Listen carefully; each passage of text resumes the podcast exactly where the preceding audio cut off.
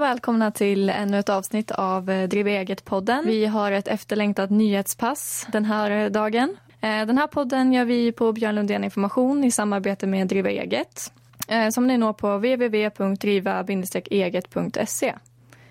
Då var mitt intro klart, så nu får ni ta, ta nyhetspasset. Jag tänkte faktiskt börja med att säga att eh, vi som pratar är jag, Ulf Svensson och du, Thomas Norman. Ja, just det. Och eh, det här avsnittet kommer vi framförallt att prata om vad som eh, låg i regeringens budgetproposition. Mycket nyheter för 2018 eh, och saker som aviseras ska komma här under nästa år. Men vi kanske ska börja med några frågor som i alla fall är aktuella nu som inte låg i budgetpropositionen. Och vi jobbar ju till vardags väldigt mycket med eh, företagarfrågor. Vi jobbar ju med kurshållande och vi skriver böcker, skriver nyhetsinformation för företag och företagsrådgivare. Mm. Så jag har vaskat fram godbitarna här då kan man säga. Vi ska köra en lagom dos som ska passa alla er som driver eget. Och mycket är fram, framåtriktat. Men vi börjar som sagt med några smakprov ur nyheter som berör både företagare och privatpersoner. Som vissa har till och med trätt i kraft. Precis, och vi kan ju börja med en fråga som vi får ofta inte vara frågeservice. Det är redovisningskonsulter som ringer in och är, är olyckliga för att då har de kunder som har råkat ut för fakturaskojare. Och eh, första juli nu här i somras så fick vi faktiskt en ny lag som innehåller ett nytt brott som heter grovt fordringsbedrägeri. Och det innebär det att om man i vilseledande syfte skickar fakturer till många mottagare då kan man alltså bli bestraffad för det. Och det handlar ju normalt sett om fakturer för ingenting. En eh, konstgjord tjänst. Man kan ju ha råkat godkänna något villkor eller det finns något finstilt som man inte såg kanske. Men ofta utger man sig för att vara någon man inte är. Alltså man efterliknar till exempel en myndighet eller det verkar väldigt officiellt det som skickas. Precis. Problemet med det här är att man kommer ju inte åt alla typer av blufffakturor. Utan det är inne lite grann på där, Det är ju svårt att komma åt. Skickar man ut ett papper liksom du ska läsa igenom och skriva på och skicka tillbaks. Det kommer man inte åt. Alltså när mottagaren vilseleds att ingå ett avtal. Så att när fakturan då kommer va, då syftar den till att eh, vilseleda mottagaren. Så det ska vara sådana här, det kommer massa med fakturer som man tror att är tjänst som man har betalt för. Va? Oftast liknar det kanske en faktura från något eh, reklamkatalog eller något dylikt va, som man är van att betala in. Då. Straffskalan för det här är faktiskt fängelse i lägst sex månader och högst sex år. Det är ju rejält. Det är rejält. Då är vi inne på, inte mord ska jag säga, men det är ganska hög, hög straffskala. ja, visst är det. Ja, eh, det hoppas vi kan hejda en del. Det är ofta samma företag, samma personer som ligger bakom. Mm. Och inte allt för sällan är det utländska utlandsregistrerade företag. Nej, och det kommer man inte heller åt om det är, fakt om det är postat utomlands. Men då kan man säga så här, då får de åtminstone betala utlandsporto. Mm. Alltid något. Mm. Eh, det här gäller alltså från första juli redan. Ska vi se vad det leder till. Sen har vi en eh, annan nyhet som också gäller från första juli. Och det är ju en väldigt bra nyhet skulle jag säga. Den som har funnits i Norge ett antal år. Något som kallas framtidsfullmakt. Vad går det ut på? Ja, framtidsfullmakt det går ut på att alltså en framåtriktande fullmakt som inte liksom träder i kraft för den som har eh, skrivit på den här framtidsfullmakten då blir sjuk och inte kan ta hand om sig själv. Det kan ju vara till exempel demens eller andra sjukdomar. Då. Och då när man är i sin krafts dagar så kan man utse vem man vill ska hjälpa en med sådana här frågor då när mm. man blir äldre. Och det är ju en skriftlig fullmakt som ska bevittnas av två personer. Så ja. det är en stark, starkt avtal kan man säga. Precis. Eh, det här, vi har en dokumentmall på Björn Lundén Information framtagen för det här som är väldigt bra att använda. Precis. Och det är ju eh, tanken är då att det här ska då kunna liksom vara kanske istället för då eh, god man och så. Men får man en god man eller förvaltare, ja då, då upphöjer framtidsfullmakten att gälla. Då. Och det här kan ju vara riktat till en eller flera personer. Det kan ju vara olika mm. kompetensområden. Och det kan vara närstående eller kan vara någon annan. Precis. Och för närstående. Så parallellt med det så införs det också något som heter behörighetsregler för anhöriga. Vilket är också ganska smidigt. va. Så att eh om man då måste liksom ta hand om en anhörig som inte kan ta hand om sig själv. Så finns det liksom per automatik, att, eftersom ni är närstående, så får man hjälpa till med eh, åtgärder som hör till den dagliga livsföringen som det heter. Betala räkningar från personens konto och så. Då. Det här ju, brukar ju vara ett praktiskt problem ofta vid insjuknande att man inte komma, kan komma åt personens bankkonto och betala hyran och så vidare. Mm. Och det underlättas ju väldigt mycket av det här då. Och för att det ska funka så har man liksom schablonmässigt rangordnat anhöriga från början. Liksom. Så att jag behöver inte dra hela listan men alltså det är make, sambo först. Va? Sen kommer barn, barn, barn, föräldrar, syskon och så vidare. Mm. Så att, eh, ja, det, och det här gäller då från första juli också. Sen är frågan då, fullmakt, den här framtidsfullmakten, om mm. vi tillbaka till den. När börjar den gälla? Ja, när man inte längre kan fatta egna beslut. Mm. Vem bedömer det? Ja, precis. Det är ju en mycket bra fråga och det finns ju alltså, skulle det bli tvist om det här, då kan ju det behöva avgöras av tingsrätt. Mm. För att jag menar, man tänker sig själv äldre. Jag menar, om man svarar en 50, frågar en 55-åring idag till exempel. Tänker du köra bil när du blir 85 år och inte ser så bra? Nej, nej, nej, säger man. Men så vet man ju massor med fall när man försöker gömma mm. bilnycklar för de som är 85-90 år. Varför de inte, verkligen inte borde köra bil.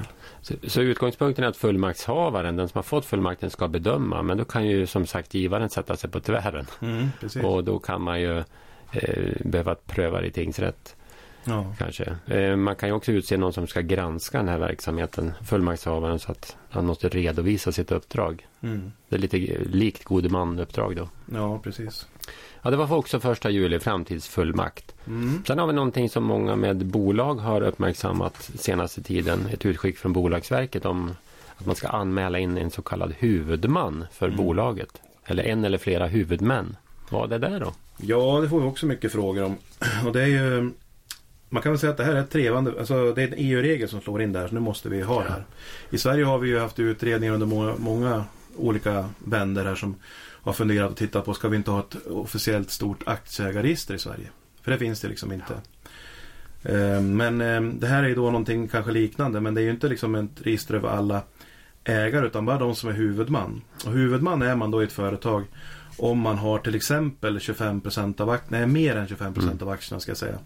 Eller via ett avtal har sånt inflytande så att det är mer än 25% liksom, av bolaget. Det kan ju vara att man har till exempel ett avtal om att någon ägare som äger 20% får tillsätta en majoritet av styrelsen. Eller sådana här saker. Mm.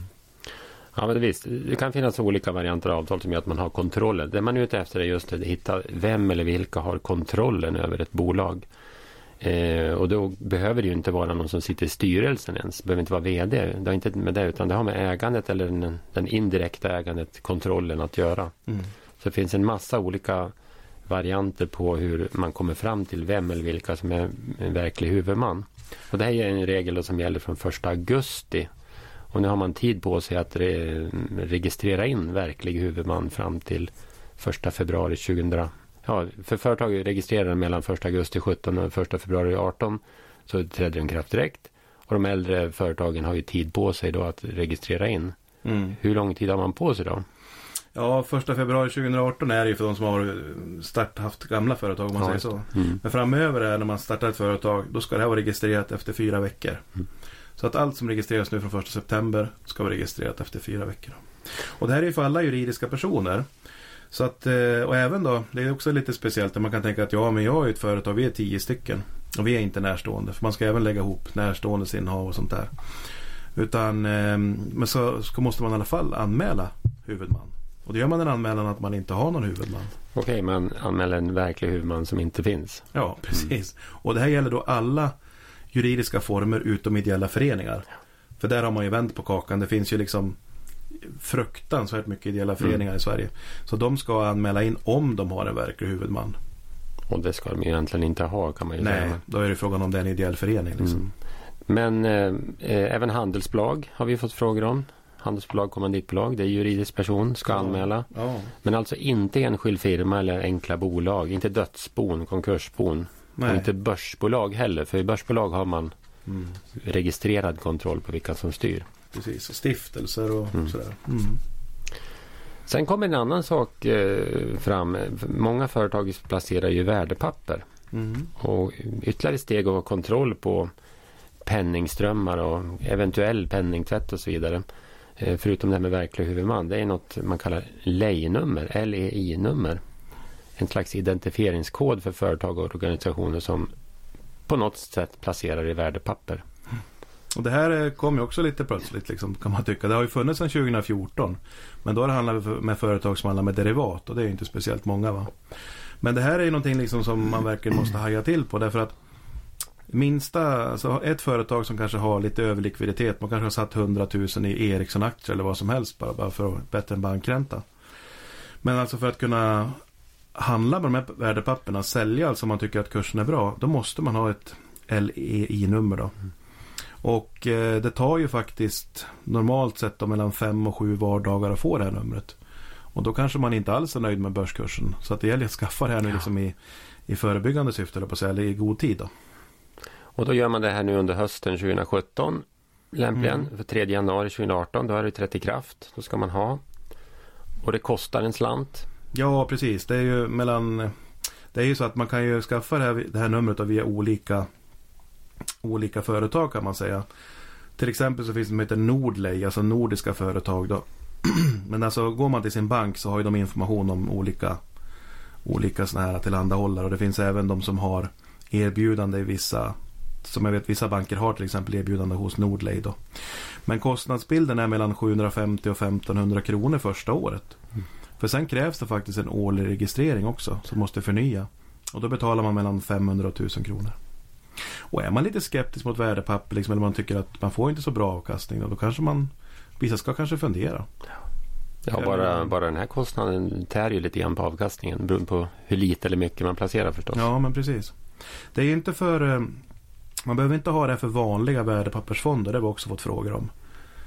Eh, om du säger vanliga så för de flesta. Det finns ju nya moderna värdepappersfonder där man man får som en eh, aktuell kurs när du säljer innehavet alltså. Typ säljer du 10,59 så får du kursen 10,59. Mm, så kallad börshandlad värdepappersfond. Ja, precis. De flesta värdepappersfonder de får ju en dagskurs eller möjligtvis mm. en, två olika kurser per dag kanske de sätter. Va? Men eh, ja. Men däremot om du skaffar kapitalförsäkring då krävs det lejnummer. Mm. Så det är någon, och det är många som använder det för att slippa hantera bokföring i bolaget av värdepappershandeln. Ja, just det. Okej, det är också en nyhet då som kommer framgent. Det gäller alla bolag. Sen har vi en eh, nyheter som är klubbade kan man säga. Men är inte trätt i kraft, är inte gått igång än. Det här med månadsuppgifter för deklarationen. Precis, så att det gäller ju då egentligen, alltså de första som kommer in i det här det att man ska lämna så på individnivå lämna kontrolluppgift kanske kan man säga varje månad. Istället för att ha det här gamla systemet med årliga jättegamla liksom, kontrolluppgifter blir med mycket eftersläpp. Och de första som kommer in i det här de kommer då in första juli 2018. Och det är då företag som har eh, personalliga krav och som har fler än 15 anställda. Sen gäller ju det här då från, äh, för alla senast från 1 januari 2019. Men varför det här blir lite aktuellt också nu då? Det är därför att regeringen parallellt med det här så vill man införa ändringar eller personalliggare. Man vill alltså komplettera branscherna som redan har det här kravet. Idag är det ju restaurang, frisör, tvätterier. Och senaste medlemmen i personalliggarfamiljen det vart ju byggbranschen här för något år sedan. Nu har man eh, gett Skatteverket i uppdrag att ta fram förslag på nya branscher där det här skulle kunna vara behövligt. Då. Och behövliga branscher det är alltså när Skatteverket ser att här finns det problem med svart arbetskraft. Vissa branscher har ju Skatteverket liknat med organiserad handel med svart arbetskraft tidigare. Vilket är ju ganska starkt sagt av, en, av ett skatteverk. Va? Och eh, det som händer då eller det man vill det är att man då vill införa det som sagt för flera branscher. Och I budgetpropositionen kan man läsa återigen att det här vill man då införa 1 juli 2018. Så att eh, för de branscherna blir det ganska stora förändringar. Och de man vill peta in då det är ju bilverkstäder förutom verkstadsarbetare och det är olika SNI-koder som styr där. Där hittar man biltvätt, däckservice, hjulskifte, rekonditionering. Då. Det är en 31 000 anställda sägs det i över 6 500 mm. företag. Då. Sen är det väl grossister i, som handlar med livsmedel. Eh, frukt, grönsaker, fisk, blommor, växter och sådär. Det är ju inte lika många. 3900 företag pratar man om. Mm. Och sen den här stora kropps och skönhetsvårdsbranschen. Ja, där ryms det ju väldigt mycket. Va? Skatteverket räknar ju då upp hudvård, manikyr, pedikyr, massage, fotvård, makeup, ansiktsmålning, solarier, solsprayning, bastu, spaanläggning, tatuering, piercing, rosenterapi, healing, astrologi, drömtydning, telepati och därmed jämförbara verksamheter. Mm. Det är 4900 företag. Där har vi ju våra så här praktisk, eh, praktiska dubier. Hur ska man kunna avgöra när man kommer in i ett rum om någon sitter och drömtyder eller telepaterar? Ja, ja precis. Man ska synes vara verksam på arbetsplatsen. Ja. Så står det på personalliggare. Men precis, och det är ju en sak då. Va? Eh, en annan stor förändring här för de som redan är inne i systemet. Som till exempel restauranger och frisörer. Va? Framförallt de tror jag. Det är det att Skatteverket tycker inte om att det finns parallella system. Byggbranschen har ju till exempel att man måste ha elektronisk personalliggare. Och i byggbranschen finns det inget undantag för de som driver en enskild firma eller om du är du driver ditt eget aktiebolag eller är familjemedlemmar till de här. Så att det vill man ta bort. Det vill säga alla branscher ska ha elektronisk personalliggare och för ingen bransch ska det finnas undantag för anhöriga. Så den lilla boken som man får från Skatteverket och fyller i på restaurangen till exempel, den kommer att försvinna och ersättas av något slags elektroniskt system, någon app eller någon webbtjänst eller så. Ja, och eh, varför det här tror jag blir så också, för jag menar, säg alla frisörer, de, framförallt frisörer, de jobbar ju kanske själva och har en enskild firma, det är väl ganska, ganska klassiskt. Även de ska in med personalliggaren. Så ja. att, ja, det blir, det blir stort. Och det har man då aviserat nu och lovat återigen då, första mm. juli 2018. Okej, då går vi väl in på skarpa förslag i budgetpropositionen och kanske en del aviseringar också om kommande förslag. Mm. Vad kan man säga allmänt om budgeten? Det var en, en stark ekonomi i Sverige, mycket att ta av. Ja, verkligen. Det är ju, känns ju verkligen som en valbudget. Man gör ju enorma satsningar vill jag säga. Det är ju 43 miljarder kronor lägger man ut. Varav 3 miljarder tar man in då på höjda skatter säger man. Det är alltså regeringens uppgifter där förstås. Mm. Så att eh, man alltså satsar 40 miljarder då, som kommer av tillväxt eller där man har i ladorna. Då. Eh, och det är så inte vi berör så mycket va? men alltså det har ni kanske läst om. Det är alltså stora satsningar på försvaret, det är på, på polisen, det är på skolan, det är till kommuner och landsting. Så att det är liksom väldigt brett och väldigt stort faktiskt. Det är väldigt stora pengar.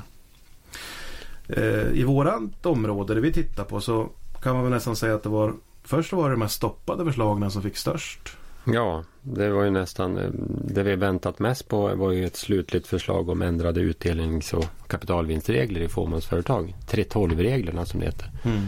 Det stoppades ju i sista sekund. Det, det hade ju ett, ett hot hängande över sig regeringen om misstroendeförklaring av någon eller några statsråd där. Va?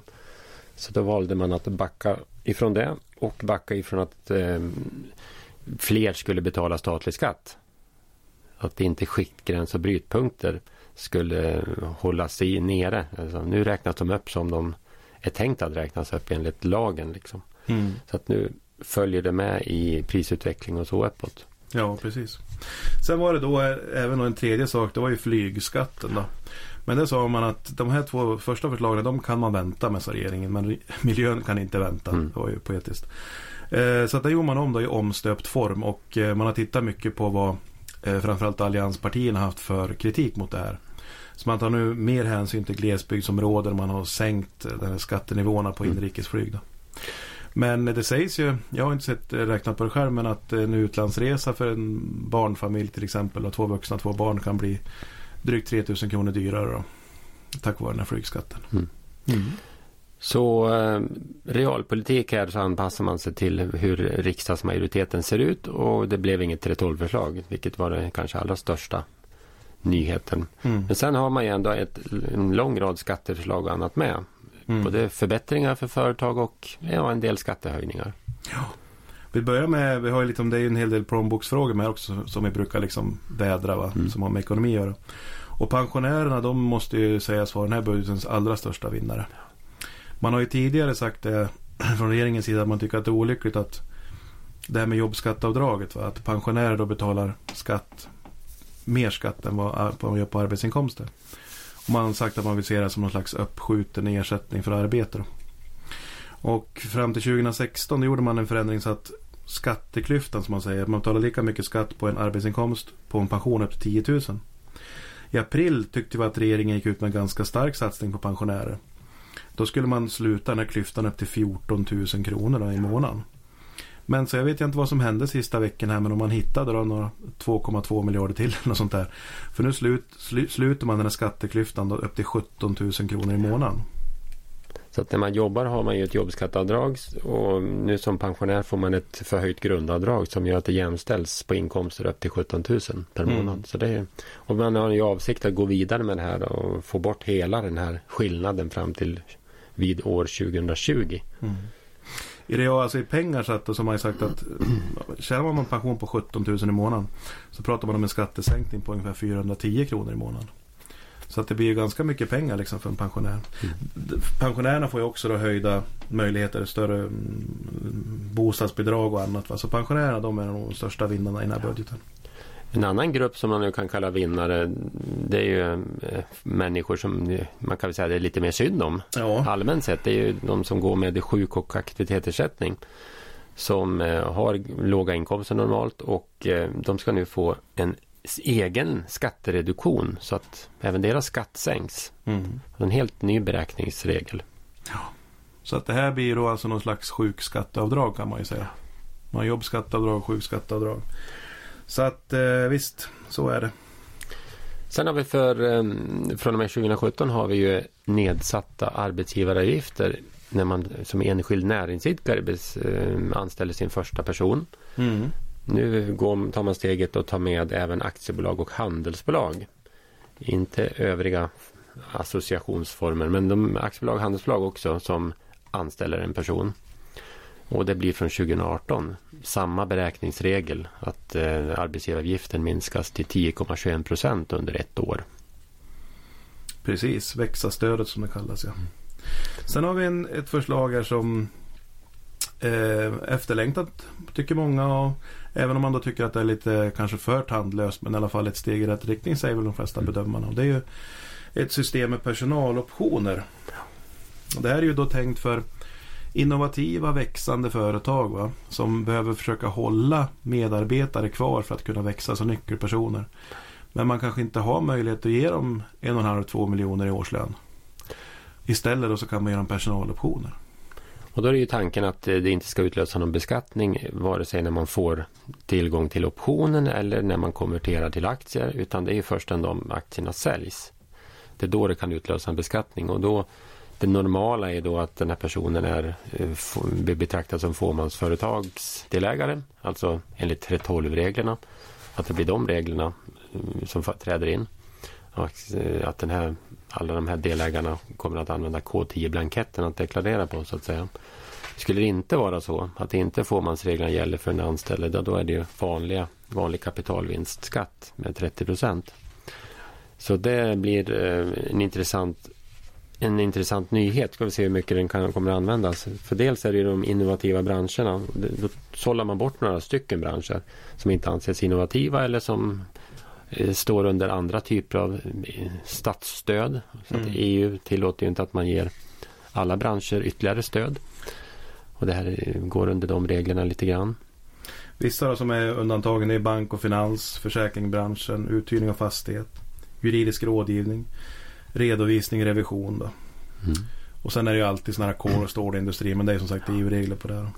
Sen finns det ett antal krav. Mm. Det ska inte vara ett onoterat bolag, högst eh, färre än 50 anställda. Inte ha en omsättning på eh, mer än 80 eh, miljoner. Och sen ska de ju vara ja, nystartade säger man men får vara högst 10 år gamla. Mm.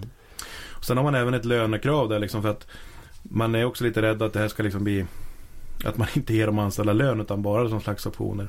Så att man säger att man måste jobba minst 30 timmar per vecka och ta ut en lön då på under intjänandetiden, alltså tre år då, på eh, 13 inkomstbasbelopp då. Vilket 2017 är nästan 800 000 då. Mm. Och det här ska träda kraft eh, vid årsskiftet är det tänkt. Det ska ju godkännas av EU först. Mm. Men vi antar att det blir första januari. Precis. Får se hur mycket använt det blir. En liten grej om reklamskatt kan vi väl nämna. Eh, annonser i dagspress, jag tror att den ligger på 2% nu va. Den eh, skatten försvinner och det berör ett 30-tal större dagstidningar då. De har ju tyckt att det är lite konstigt att de ska betala reklamskatt för en annons på, på papper då. Medan om man då i en nättidning till exempel har samma annons så finns det ingen reklamskatt. Det, blir, det är inte så mycket reklamskatt kvar utan den är ju på väg att eh, falla bort helt och hållet eller till slut tas bort helt och hållet gissar jag. Ja, precis. Sen då har vi några nya, alltså lite större, ja, stora nyheter när det gäller fordon. Ja, bilar. Verkligen. Dels har vi det här med eh, fordonsskatten. Att den miljö, eh, ska säga, miljöstyrs. Mm. Styrs via miljöpåverkan. Ett bonus-malus-system som man säger. Alltså bonus om det är bra och malus det är ju en bestraffning då. När det är lite sämre. Modernt uttryck för piska morot mm. kanske. Mm. Och eh, det här systemet då det är alltså bonusen. Om man då skaffar en riktigt miljövänlig bil. Då kan man max få 60 000 vid köp av en sån bil. Och ska man få så mycket pengar då ska den släppa ut 0 gram koldioxid. Då. Sen är det liksom en, en, eh, vad heter det? en eh, proportionerlig skala liksom. Till man kommer ner till 10 000 kronor. Det är liksom det lägsta bonusbeloppet. Och då släpper ett fordon ut 60 gram. Då. Det finns ett fast eh, bonussystem för gasbilar på 10 000. Mm. Mm. Sen malus det är ju, bestraffar ju de bensin och dieseldrivna bilarna som är lite tyngre och därmed släpper ut mycket. Kan man väl säga. Mm. Och det kan ju bli ganska höga tal, alltså mycket, ganska stor skillnad mot dagens fordonsskatt. Verkligen. Det finns ett grundbelopp på 22 kronor per gram nu idag. Va? Sen gör man en stafflad skala på mellan 95 och 140 gram. Då är det 82 kronor per gram som betalar. Och är det då någonting som släpper ut över 140 gram då är det 107 kronor per gram. Så att eh, beräkningar som man har sett gjorts av framförallt av bilindustrin och så här så kommer det att, att få stora inverkningar på väldigt populära bilmärken. Jo, jag såg något pop, någon populär tyngre bil som ska bli 20 000 kronor dyrare per år i fordonsskatt. Mm. Precis, och sådana här äh, vet du, husbilsbranschen har ju också... Mm. De rasar. ja, precis. Vi får se vad som händer med dem. Mm. Men eh, i samband med det här också då, så eh, dels så kommer man vid när man ska ha bilförmån. Mm. Många vill ju ha bilförmån, liksom ha det via företaget och arbetsgivaren. Då, då kommer man nu att eh, lägga till en ytterligare post för just fordonsskatten. Då. Det gäller ju då från första juli 2018 för det är ju hela bonus-malus-systemet. Mm.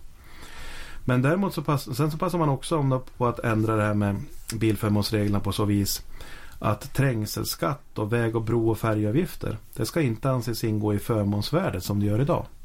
Och den förändringen kommer redan 1 januari 2018.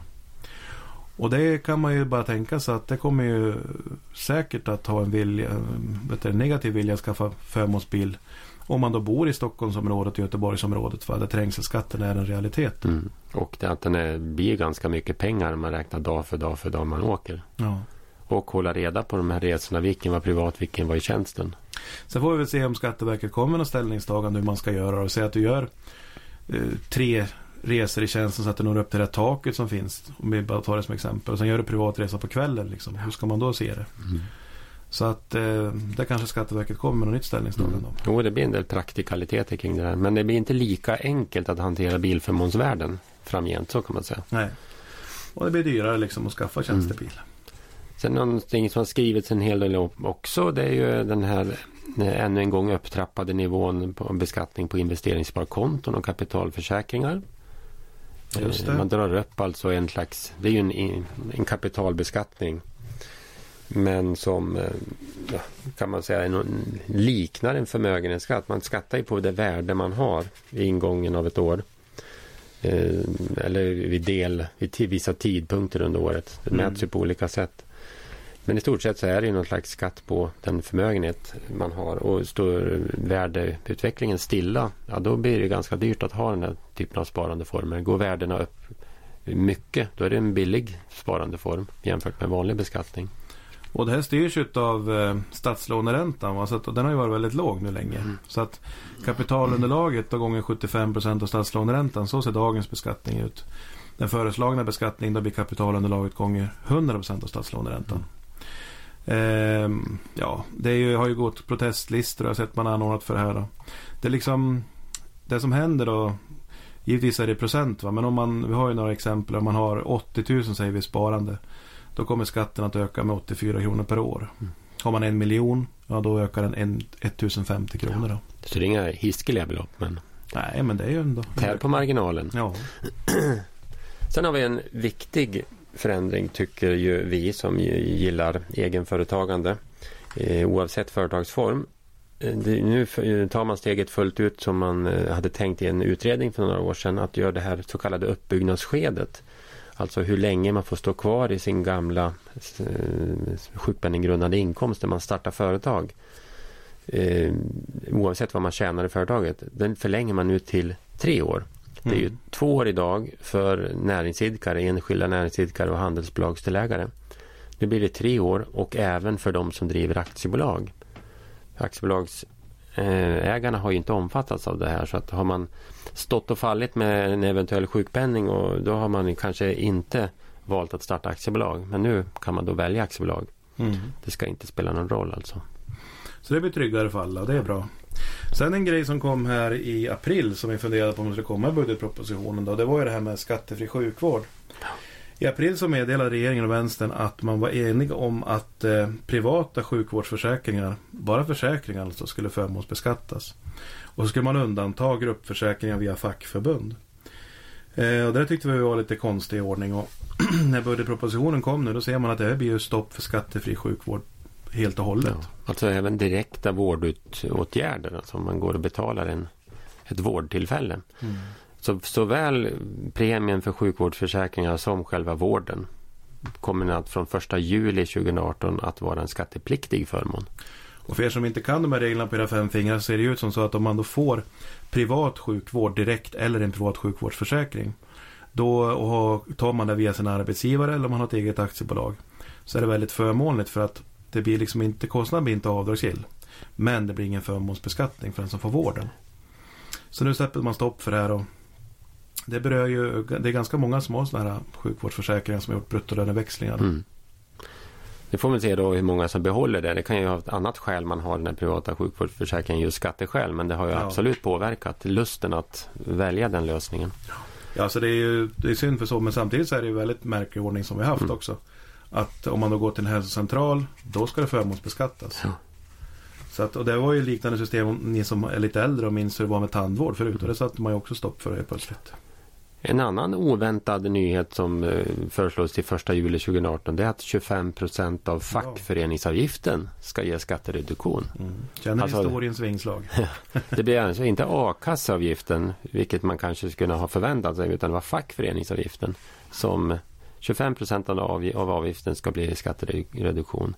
En egen ny form av skattereduktion i så fall. Om det här genomförs och det torde det väl bli. Ja. Så att eh, det är också något sånt här att det ska vara minst 400 kronor i fackavgift per år. Men det är det ju. Så att det slår lite olika. Jag har sett beräkningar på man har 25 000 i månadslön. Så har man en dyr, eh, dyrt fack som elektrikerna till exempel. De tjänar 1425 kronor per år på det här. Mm. Medan då eh, Unionens medlemmar då 675 kronor man skulle gå med elektrikernas alltså tjäna mest. Ja, precis. Elektrikerna ska vara. Ja, ja, sen har vi då lite på momsområdet. Det har inte, hänt inte så mycket på momsen till nästa år, men på naturguidning. Där har vi en nyhet. Ja. Eh, och det här blir ju en intressant fråga att följa om det verkligen går att avgränsa på det här sättet eller om det står i strid med EU-reglerna. Är det så att vi kan ha lägre momsats på guidning i naturen. Man brukar ju ha det på vissa entréavgifter till och då har man mer avgränsade ytor man kommer in på. Mm. Det är ju kultur, kulturyttringar och liknande som det brukar vara lägre moms på. Som det kan vara det enligt EU-reglerna också. Men regeringens tanke är liksom att gynna naturturism kan man säga. Och, liksom, och det är ju så idag med viss guidning så är det ju 6 procent och man liksom vill ha enhetligt på området. Då. Och det här är ju, ja om man då tar ut folk i naturen på vandringar, kanotfärder, skidturer och sådana saker. Där man guidar runt i naturen. Och det är inriktat då mot naturreservat, nationalparker. Man tänker sig att det är en, ett begränsat område när man har riktat in det mot sådana ja, typer ja, av naturaområden och biotopskyddade områden. Och sådär. Mm. Men om regeringen inte frågar EU om det här så då kommer vi att kunna ha det ett tag? Ja. För vem kommer att pröva det här? Jag får betala för liten moms. Det tar några år ja. innan någon bråkar. Så det är ju det, man kan gärna vara lite obstinat mot EU. Det håller ju ett antal år i alla fall. Vi såg ju våra representationsregler. De hade varit mm. fel sedan 95 då ja. visade det sig. Mm. Sen har vi en, eh, också en oväntad nyhet i budgetproppen. Dock ganska logisk att man höjer gränsen, höjer taket för, i sjukförsäkringen. Vi har ju en betydligt högre gräns för föräldrapenning än sjukpenning. Precis, där är ni på 10 prisbasbelopp då. Och eh, 7,5 prisbasbelopp har det varit då på eh, taket på SGI då. Så nu höjs det till åtta prisbasbelopp från 2018 och det är klart, då höjs ju taket i sjukförsäkringen från 341 250 till 364 000. Mm. Så det är en skaplig skillnad, drygt 20 000 i skillnad. Precis. Man kan det... tjäna betydligt mer per månad innan man slår i taket. Det föreslås också då till första juli 2018, det kanske du sa. Mm.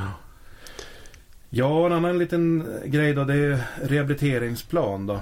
Ehm, det vill ju då det här med rehabiliteringsplan, det, ni som har hängt med det har ju liksom skiftat om det ska vara Försäkringskassans ansvar eller arbetsgivarens ansvar under åren. Va? Och nu är man inne på att flytta över en del av ansvaret igen till arbetsgivare. Eh, på så vis att arbetsgivaren då ska vara skyldig att ta fram en plan för återgång i arbete. Om det kan antas att den anställda kommer att vara sjukfrånvarande under minst 60 dagar säger man. Eh, och det här har man då tänkt att det ska träda kraft 1 juli 2018. Sen eh, har vi olika former av anställningsstöd. Alltså olika former av särskilt anställningsstöd. Då. Det ska ersättas med ett nytt särskilt anställningsstöd som ska kallas för introduktionsjobb. Mm. Och det här kan ju tyckas är lite eh, fånigt. Men grejen är ju det att man vill ju likforma det. Det finns ju jättemånga olika stöd idag. Och alla har ju oftast någon liten egen twist som man måste lära sig för att kunna hantera alla de här bidragen. Då, bidragsjobben. Men nu vill man liksom slå ihop det här så att det ska bli samma regler för allihop. Då. Och det tror jag att eh, de flesta tycker är ett eftersträvansvärt mm. grej. Ja, det är lite av en djungel nu med massa ja, olika. det är det. Sen har vi lite plånboksfrågor. Det gillar ju du att prata om Thomas. Mm. Men även jag, jag har ju många barn nu för tiden. Mm. Inte så lika många som du dock. Nej. Så du känner ju bäst på det här. Jajamän, äntligen dags. Höjda barn och studiebidrag. Jag tror det var 2006 det höjdes sist. Det var, oh, det var på dags, tiden. Alltså. Så 200 kronor per månad eh, är då. Flerbarnstillägget höjs ju inte. Det är ju en skandal i sig. Men, men visst, 200 kronor per månad då. Eh, och det är från mars 2018. Det som är lite speciellt är just på studiebidraget. Då. Det här är studiebidrag alltså, som man får om man läser på gymnasieskolan. Mm. Det är det att det ska införas från mars men den första utbetalningen ska inte ske förrän i juli. Det tycker jag är lite kul. Då har ju de som går sista året på gymnasiet slutat gymnasiet. Mm. När de får pengarna. Men så i alla fall står det i budgetpropositionen. Sen eh, de som har studiemedel och läser på högskola får också en släng av sleven som man brukar säga. Där höjt bidragsdelen med 300 kronor per månad. Och det är ju en ganska rejäl höjning för vad det är liksom. Och framförallt att det är bidragsdelen. Mm. Senare år så har det varit att man har höjt lånedelen. lånedelen precis. Och det är första juli 2018 också. Ja. Sen har vi det här fortsatt satsning på solceller. Eh, det finns en hel del miljöprofil i den här budgeten också. Mm. Och det här är ju ett av dem då. Och solinvesteringsstödet ska ökas på med en halv miljard drygt. Mm. Höjs till 30 procent är investeringsstödet eh, från 20 procent för hushåll, inte för företag då. Nej. Och ni som kan den där branschen vet att 30 procent var det för några år sedan och så sänktes det till 20 och nu är det 30 igen. Så att eh, om ni står i begrepp att söka pengar från det är Länsstyrelsen som hand om det här. Så är tipset kanske att eh, vänta kanske till att lämna in ansökan första januari. För mm. det går när man lämnar in ansökan, det är det som styr. Okej, några andra små grejer då, eller ja, små, vet du, omfattas man av dem så är de ju viktiga ändå. Har man ett värdepapper från ett land utanför EU, EES-området så, och det företaget går i konkurs så gäller idag gäller ju att de här aktierna anses avyttrade. Det vill säga man gör en kapitalförlustberäkning först när konkursen är avslutad. Det kan ju ta tid. Väldigt svårt att hålla koll på. Nu ändrar man reglerna för att, så att det ska gälla för samma som för aktier in i Sverige och inom EU och EES. Att aktierna anses avyttrade redan när bolaget försätts i konkurs. Mm. Det blir från nästa år, 2018. Sen ska ni veta också att det är en del, hel del ändringar på energi och kemikalieskatter. Men de vill vi inte sitta här och dra. utan Vet ni att det berörs av sånt och kolla upp det. För det blir en hel del förändringar där. Då. Skattetillägg även om man rättar på eget bevåg i sin deklaration. Vill eh, regeringen införa någon form. Det har ju funnits en gång i tiden. Togs bort för att locka folk att rätta. Och nu vill man ändå återinföra det på något, i någon form. Eh, och det är tänkt från 1 augusti 2018. Så eh, alltså det ska även kunna bli ett skattetillägg när man vet att Skatteverket går ut och säger vi ska granska den här och den här typen av transaktioner. Mm. Om man då kommer på att man kanske har gjort ett fel då, det, då hjälper det inte helt och hållet. Ett litet skattetillägg ska man då ha. Och när jag, man får liksom gissa, som ni minns för något år sedan så var det ju världens uppmärksamhet i media om utlandssven alltså svenskar mm. som hade förmögenheter i utlandet. Mm. Och nu flyttade man hem dem till Sverige frivilligt och det vart inget straff liksom för det. Mm. Det är säkert det som man föranleder det skulle jag tro. Sen gör man ett uttalande här i propositionen om att eh, systemet med resavdrag, resor till och från arbetet, det ska ses över. Det fanns ju ett intressant förslag i den här landsbygdskommitténs utredning som kom här förleden. Och man vill alltså gynna miljövänliga resor och sen så kanske man får se om det kan bli en koppling till glesbygd också då. Mm. Precis, det är lite kul man ska, att man ska gynna miljövänliga resor och minska skattefelet. Mm. Man kan ana att det är en del skattefel vid resan. Ja, och tar man minskar skattefelet då kan man ju ta bort regeln. Ja, nästan. då blir det inga mm. fel i alla fall. Reglerna om kupong, ja, ja. De är ju, det är gamla regler och det, de följs inte alltid heller. Man lämnar ju inte alltid in de här sammanställningarna och sådär. Men det ska ju dras kupongskatt i vissa fall. Till exempel när man betalar ut utdelningar till utlandet och sådär. Det, det är lite bökigt. Så det ska mm. också ses över. Sen har vi då lite eh, beskattning här vad gäller zink. Det är ju ett skarpt förslag i budgetpropositionen då. Och det är ju särskild inkomstskatt för utomlands bosatta. Eh, och den är ju då tänkt då en återställare upp till 25 procent igen. Och det gällde då fram till 2014. Så sen sänktes det till 20 för att mer harmoniera med eh, att vi hade sänkta inkomstskatter i Sverige. Vi såg att fler började deklarera på vanligt sätt i Sverige fast man bodde utomlands. Ja, då sänkte man sinken för att förenkla. Men eh, viss höjning av inkomstskatten har vi haft nu de senaste åren så att det är möjligtvis att det harmonierar igen bättre med att höja sinken till 25. Men eh, vi får väl se. Mm. Sen har vi ett ganska ja, sammansatt sjok kan man säga som har varit på tapeten nu sen det började komma promemorior på det här skarpt i våras.